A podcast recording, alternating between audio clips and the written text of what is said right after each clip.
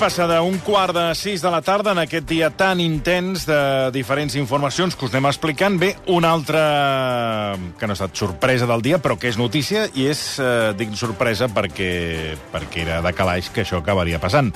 La Junta de Fiscals del Tribunal Suprem avala les tesis del jutge García Castellón o sorpresa, i ha acordat aquest migdia per majoria investigar Carles Puigdemont per terrorisme en el cas de Tsunami Democràtic. L'òrgan descarta l'informe elaborat pel fiscal Álvaro Redondo, que apreciava eh, com a molt desordres públics en les protestes contra la sentència del procés, però d'atenció perquè eh, la decisió l'han pres 12 vots a favor de les tesis de García Castellón i només 3 en contra. Aquesta és, aquest és el dibuix de la fiscalia que hi ha al Tribunal Suprem. Ernesto Icaizer, periodista, escriptor, bona tarda. Hola, muy buena tarde, Tony. Podría ser... Eh, podría... Han sido unas horas intensas entre las 10 de la mañana y las 2 menos 5. ¿eh? Eh, mi información es que son de los 15 asistentes, son 13 contra 2. Sí, sí. 13, no, no, 13 no 12.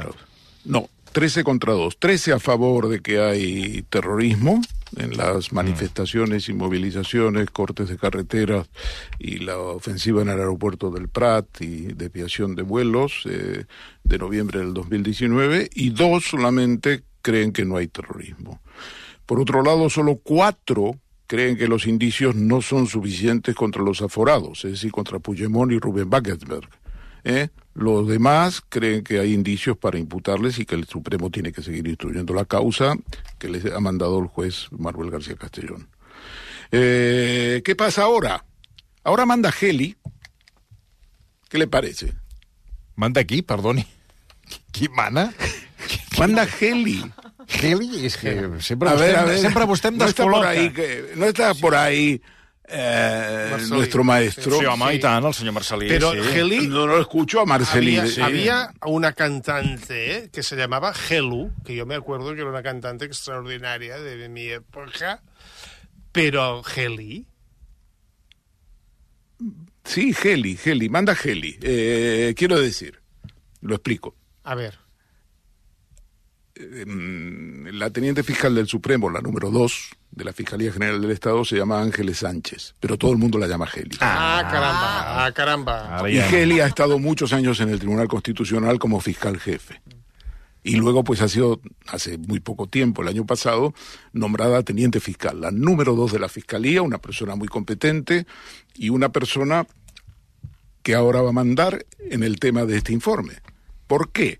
Porque el Estatuto Orgánico del Ministerio Fiscal señala que cuando hay una discrepancia entre los jefes de una sección, como por ejemplo la sección de primera de fiscales del Supremo que se ha reunido hoy, el informe pasa a manos del superior jerárquico, es decir, mm. de Geli. De Geli.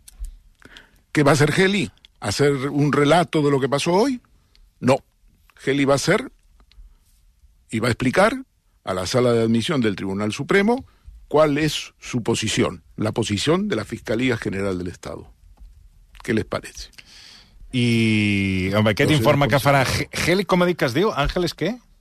Sánchez Conde. Àngeles Sánchez Conde, que a partir d'ara ja ens podem anar familiaritzant amb mm. aquest nom, el de, el de Heli. El de Heli.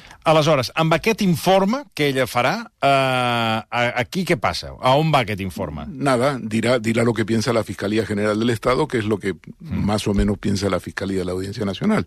Es decir, que no hay delito de terrorismo y que eh, los indicios para imputar a Puigdemont y a Rubén Bangesberg no son sólidos. I aleshores, Por per, tanto, per, aleshores... se debe devolver la exposición razonada a don Manolo García Castellón para que siga indagando, que siga escarbando.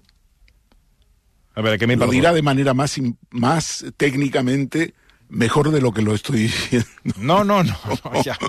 Eh, no home, és que és eh, molt Marcelí, interessant. jo en esto trato de ser pedagógico. No, no, no aleshores, perdoni, uh, Heli farà aquest informe. Aquest informe eh, dirà que no acaba de veure, però clar, aquí hi ha un posicionament de la Junta de Fiscals que diuen que sí, que això és, uh, que, en fi, que, que hi veuen delicte de terrorisme. Heli podria fer un dictamen que no ho veu, i això vol dir que, que... És a dir, la pilota tornaria a García Castellón, que hauria de continuar investigant. Eh, no, eh, no, no ho he entès pilota, bé. No, no, la pilota está en, en este momento en el Tribunal Supremo, porque el informe que va a hacer Heli, Sí. o que Sí, eh, hubieran hecho los fiscales, sí. digamos, Mm. eh, no son vinculantes. La sala de admisión tiene en cuenta los informes del Ministerio Fiscal y son relevantes, por supuesto, pero no son vinculantes. No son vinculantes. Marchena, por ejemplo, siguió adelante con Garzón, pese a que Cadena, Fidel Cadena, uno de los fiscales del procés, eh, no estaba de acuerdo con la investigación sobre Garzón y se opuso. Sin embargo, Marchena siguió adelante. Marchena siguió adelante con Vicky Rosell y justo da la casualidad de que también Cadena, Fidel Cadena, el fiscal del procés, Sí. ¿eh? Dijo que no había delito en lo que le, le intentaban montar a Vicky Rosell. Y en los dos casos, Cadena tenía razón, los dos casos fueron archivados. Es decir, el informe no es vinculante. ¿Lo tiene en cuenta la sala, eh, la sala de admisión? Lo tiene en cuenta, pero la sala de admisión está presidida por Marchena, porque el presidente de la sala segunda del Supremo preside la sala de admisión siempre. Entonces, No, le iba a el informe va a la sala de admisión. Sí, y- Hay un informe del ponente, que será Juan eh, Ramón Verdugo, que es otro hombre que formó parte del Tribunal del Procés. Aquí, el que no está en el Procés, en fin, eh, No sale en la foto. no sale en la No foto. sale en la foto. No, no, no, no tiene, no tiene Eh, pedigrí. Marcelí, no sale en la foto. No, no el no. Procés es un océano. Claro, és, és pedigrí, és, és un plus. Me acuerdo del señor Verdugo que hacía una cara que llevaba el nombre. Uy, eso es mucho, pero Verdugo es un tipo simpático, ¿eh? Ah, seguro, seguro, no digo que no. Que veía, tenía cara de guillotina. Un poco.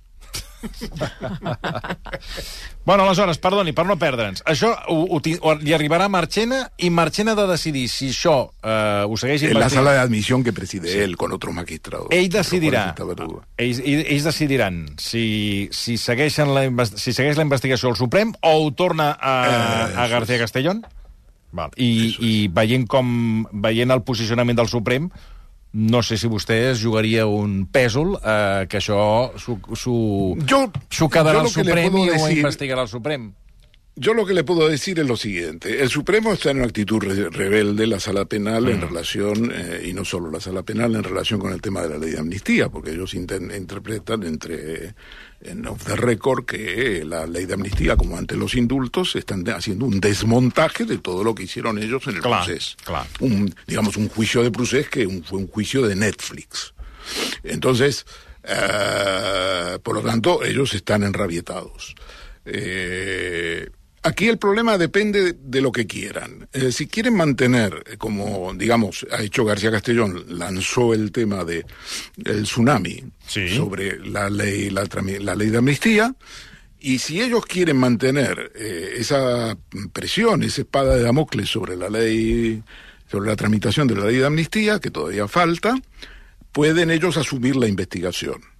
Y pueden decir, sí, los indicios son suficientes como para que eh, empecemos a investigar. Entonces el verdugo es el instructor, será el instructor de la causa y tendrá que hacer una serie de diligencias para comprobar los datos que le ha mandado García Castellón en la exposición razonada, tendrá que llamar a testigos, pu- puede incluso personarse en la causa eh, determinadas personas, porque yo creo que el fiscal eh, Geli lo que va a decir es que eh, más o menos lo que dicen los fiscales de la Audiencia Nacional, que como sabe usted se han opuesto a, García Castellón y le han criticado duramente, ¿no? Eh, entonces, eh, ya veremos eh, cómo lo dice Geli, de qué manera y tal. Pero entonces yo creo que va a haber personaciones probablemente de, en fin, de fuerzas políticas, como suele haber, y entonces el, el, magistrado Juan Ramón Verdugo haga una instrucción que durará meses. Otra posibilidad, si el objetivo es mantener la presión sobre la ley de amnistía, se puede cumplir ese objetivo por otros medios. Y es que le devuelvan a García Castellón Uh la causa Sí. y que le digan, mire, los indicios son eh, interesantes, pero no nos parece que todavía esté lo suficientemente maduro como para que asumamos nosotros la investigación. Siga usted investigando. Por cualquiera de los dos medios mantiene la presión. Entonces aquí lo que depende es hasta qué punto Marchena y la sala de admisión quiere involucrarse en una guerra de guerrillas claramente orientada contra el gobierno, eh, mientras se tramita la ley de amnistía. Mm -hmm. ha quedat... Esta és la elecció, en mi opinió. Ha quedat, ha quedat clar. Ah, per, aquí hi ha una qüestió, eh, que és que el fiscal ponent, Álvaro Redondo, ha quedat, diguéssim, eh, esborrat del mapa, no? Perquè, clar, després del seu punt de vista... Sí, de... hoy yo, el relato, la verdad que ha sido, ha sido tremendo. Yo le quiero aclarar una serie de cosas, eh, porque es importante. El, el, fiscal ha quedado muy, muy tocado, muy mal, mm, se clar. sintió muy herido, es Home. un hombre... Eh, digamos, ha habido filtraciones, evidentemente, y él ha llegado mal. Yo le quiero aclarar lo siguiente. Yo lo que he podido comprobar es esto. Él ha hecho dos informes. Nosotros los damos en el periódico estos dos informes. Uno del 26 de enero y otro del 30 de enero.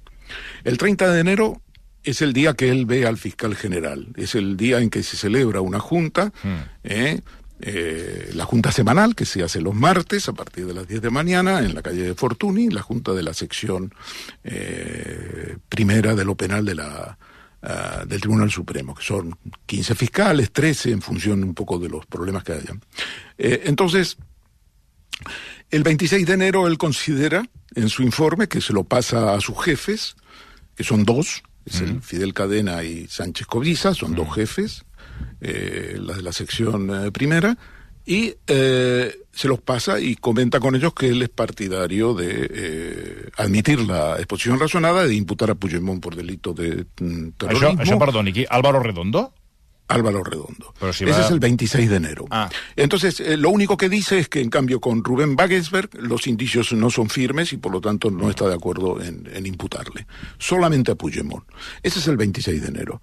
El 30 de enero, ¿Sí? él hace un nuevo informe que es el informe oficial, Mm, digamos. sí.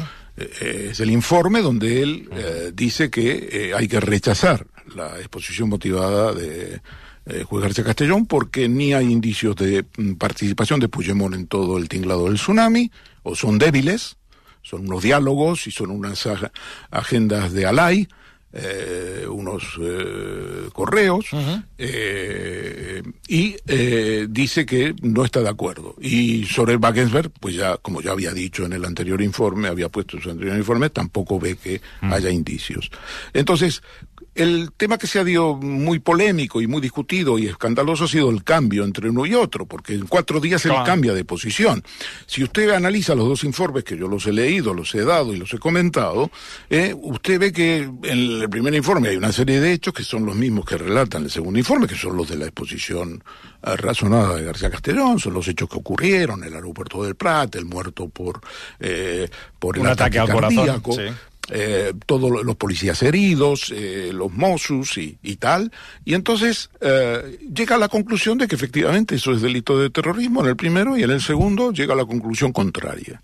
Entonces se ha especulado mucho y razonablemente, porque los informes eh, son tan diferentes, eh, a pesar de que son los mismos hechos, que llama la atención. Y entonces el 30 de enero él se ve con el fiscal general y él lo dice en la junta semanal del martes 30, eh, él comenta que ha hablado con el eh, fiscal general, aunque no revela el contenido de la eh, conversación. Y le ha visto un poco antes, porque da la, también la, la cuestión de que la sección primera de lo penal del Tribunal Supremo funciona en Fortuny en Fortuny 4, que es la sede también de la Fiscalía General del Estado. La sección segunda, sin embargo, se llama sección de Palacio. ¿Por qué? Porque está en el Tribunal Supremo propiamente dicho, por eso le llaman Palacio.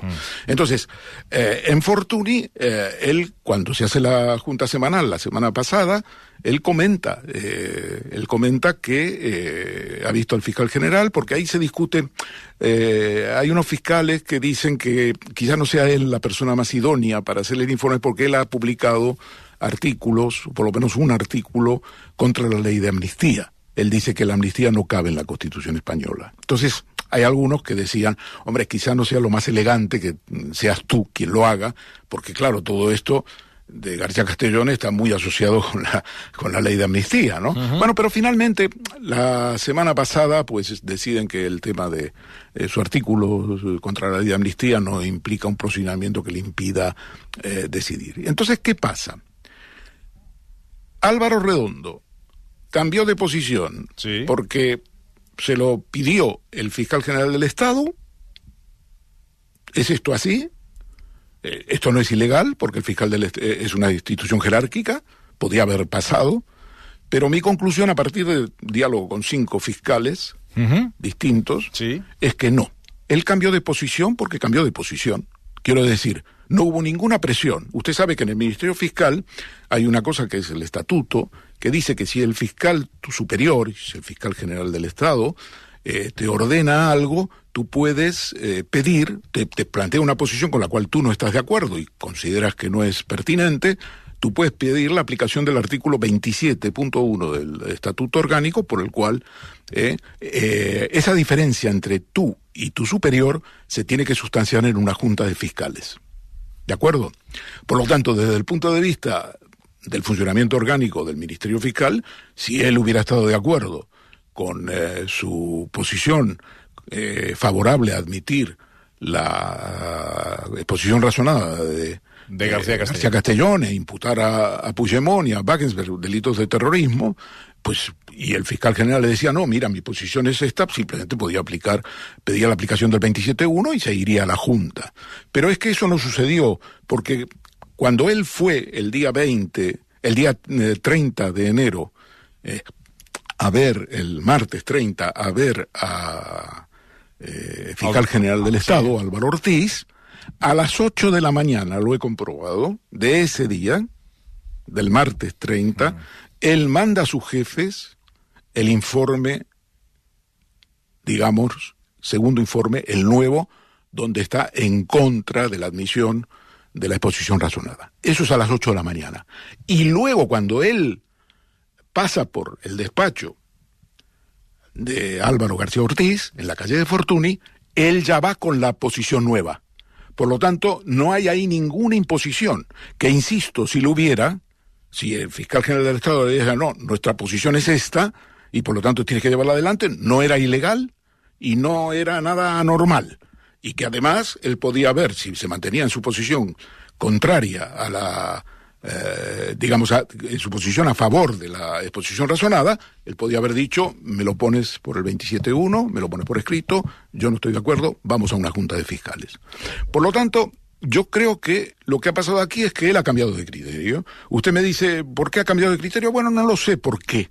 Eh, lo que es extraño que haya cambiado de criterio, sobre todo con los argumentos que utiliza y que utilizó, porque hoy él explicó ese cambio. Él dijo, yo pensé que los acontecimientos habían sido graves, y sin embargo, reflexionando después, eh, yo creo que no son graves. Es posible que las movilizaciones y la actividad tuviera como finalidad una actividad que se podría caracterizar como terrorista, pero los hechos que se produjeron no tienen tal magnitud. Eso es lo que explicó él.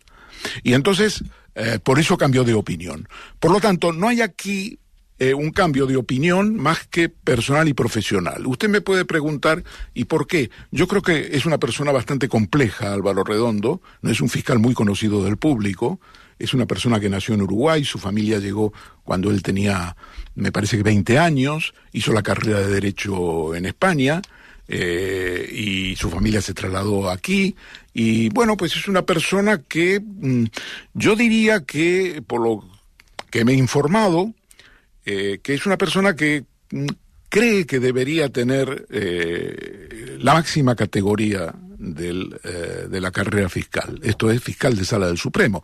Fiscal de sala del Supremo es, eh, vamos, es el general de, de la carrera fiscal, ¿no? Es el general de, de- de cuatro estrellas de la, de la carrera fiscal.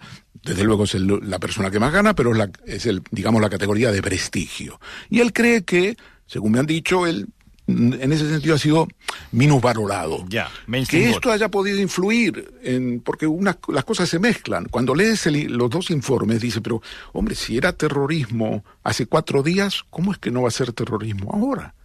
¿Cómo es que no va a ser grave? En fin, eh, yo de todas maneras he querido hacer una labor objetiva.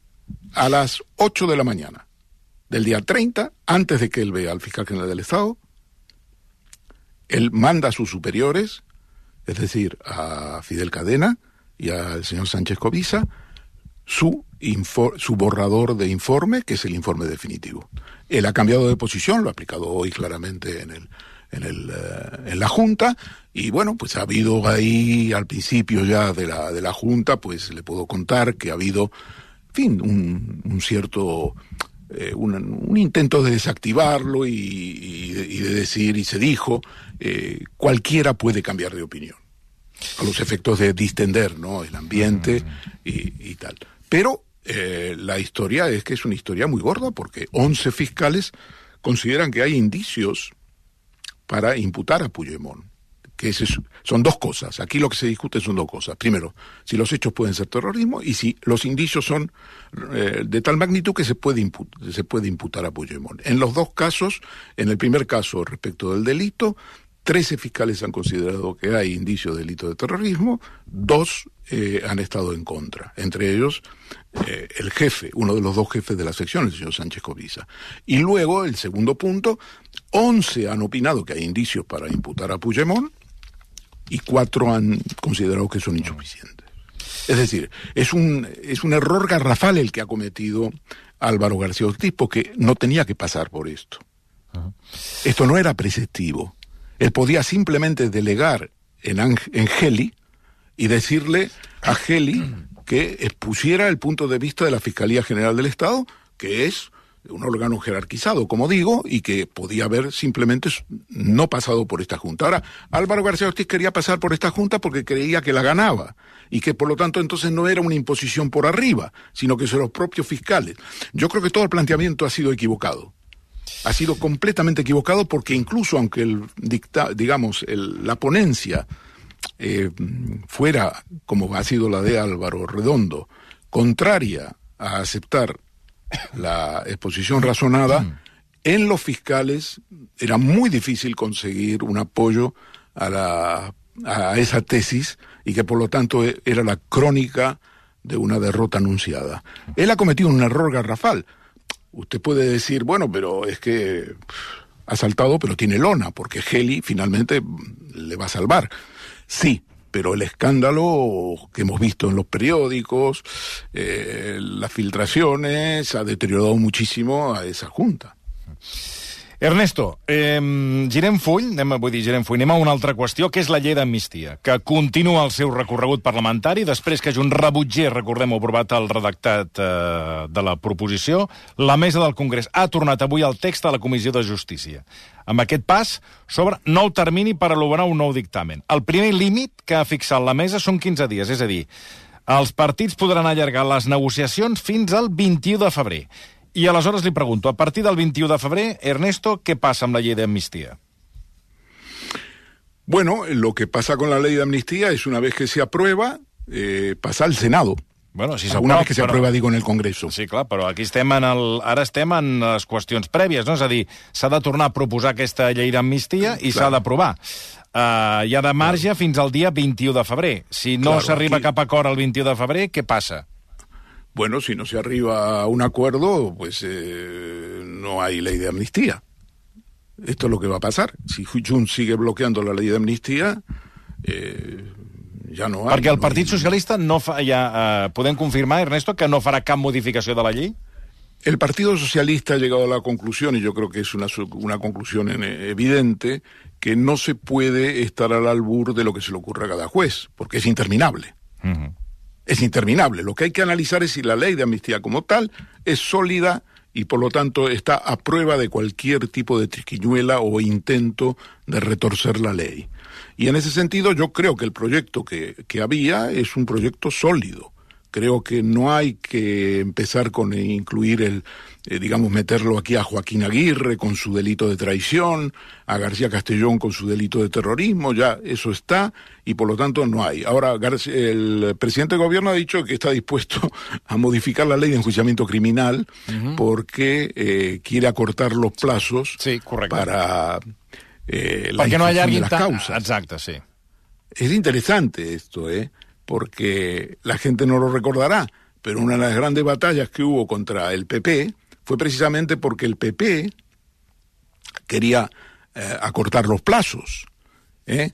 Eh, quería acortar los plazos porque decía que los jueces estaban, pro, digamos, Allargando estaban las causas. en las causas, estaban tardando mucho. Era una manera de un poco de, y luego pues el PP lo hacía en el contexto en que estaba cercado, ¿no? Con las causas de Leso, Púnica, Gürtel, eh, Valencia, eh, Valencia Sí, sí. y, y Tándem. Tándem es posterior, ya Ah. entra en la nueva tanda, donde hay que prorrogar cada seis meses. Entonces, eso fue objeto de una batalla, una batalla política, el PSOE no estaba de acuerdo, eh, y, y tal. Bueno, sin embargo, se aprobó en la época de Rajoy. Entonces, ahora eh, Pedro Sánchez dice que quiere eh, todavía cortar más o, o hacer alguna reforma en la ley de enjuiciamiento criminal, no lo sé. Pero yo creo que eh, esto es, un- es, es- es un campo estéril que el gobierno se va a desgastar. Creo que eso es lo que busca el Tribunal Supremo y si mantiene, si incorpora la causa eh, de García Castellón al Tribunal Supremo, jugará directamente la partida. Si lo hace a través de García Castellón, la jugará indirectamente. Veremos a ver Marchena cómo lo ve esto, qué es lo que más le conviene a él. Eh, y eh, eso es lo que se va a jugar. Ahora, eh, si no hay ley de amnistía, Tony, pues eh, fin, eh, apaga la luz y, y vámonos.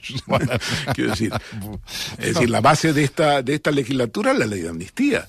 Yo le voy a decir una cosa. La ley de amnistía, si se aprueba finalmente, después del Senado, pasará el Senado, hibernará en el Senado un par de meses, esta ley de amnistía no llega al Tribunal Constitucional Español hasta septiembre. No llega hasta septiembre. En septiembre usted tendrá los recursos de inconstitucional, el recurso de inconstitucionalidad del PP, que creo que son tres meses más, máximo lo que tiene, para presentar el recurso y agotará. Entonces ya estaremos con, en septiembre avanzados, del 2024. Esta ley, Tony, no está para cuando se celebren las elecciones autonómicas de Cataluña, que como máximo plazo es el 14 de febrero, si no me equivoco. Què vol dir no del està? 25. No está, no está aprobada, no está constitucionalizada. No aprobada. Aprobada sí, saldrá en el BOE, se empezará a aplicar, alguno planteará la cuestión prejudicial a Europa, se suspenderá parcialmente, alguno planteará el Tribunal Constitucional, el Tribunal Supremo probablemente, eh, a Europa y al Tribunal Constitucional, se suspenderá la aplicación directa eh, de los puntos de la ley en los cuales se pida aclaraciones o se plantee cuestión de constitucionalidad, pero el Tribunal Constitucional no dirá si la ley es constitucional o no antes de las elecciones catalanas. ¿Nos apostamos a algo? Eh, no, sí, si Marcelí, vol. apuesta. Sí, a veure... No, Apo- Home, no aposti ni que sigui un, uh, una ampolla de... Home, una ampolla d'aquestes de...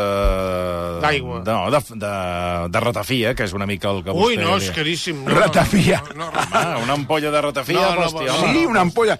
Eh, de eso sabe Pedro Sánchez mucho porque se la regaló Torra. regaló ¿Se acuerda Torra, cuando le llevó la y botella de Sí, sí. que, que se, se la I el beber, paseo, supongo. i, el, passeig... I el paseo. Exacte, El, el paseo bonito. por los jardines de la Moncloa. Sí, sí, que estava Torra muy interesado. Mucho. Sí, sí, ja me'n recordo. eh, eh, eh, Ernesto, ho deixem aquí. Moltíssimes, moltíssimes gràcies. Una fortíssima abraçada. Gracias. Gràcies, Adeu. bona tarda.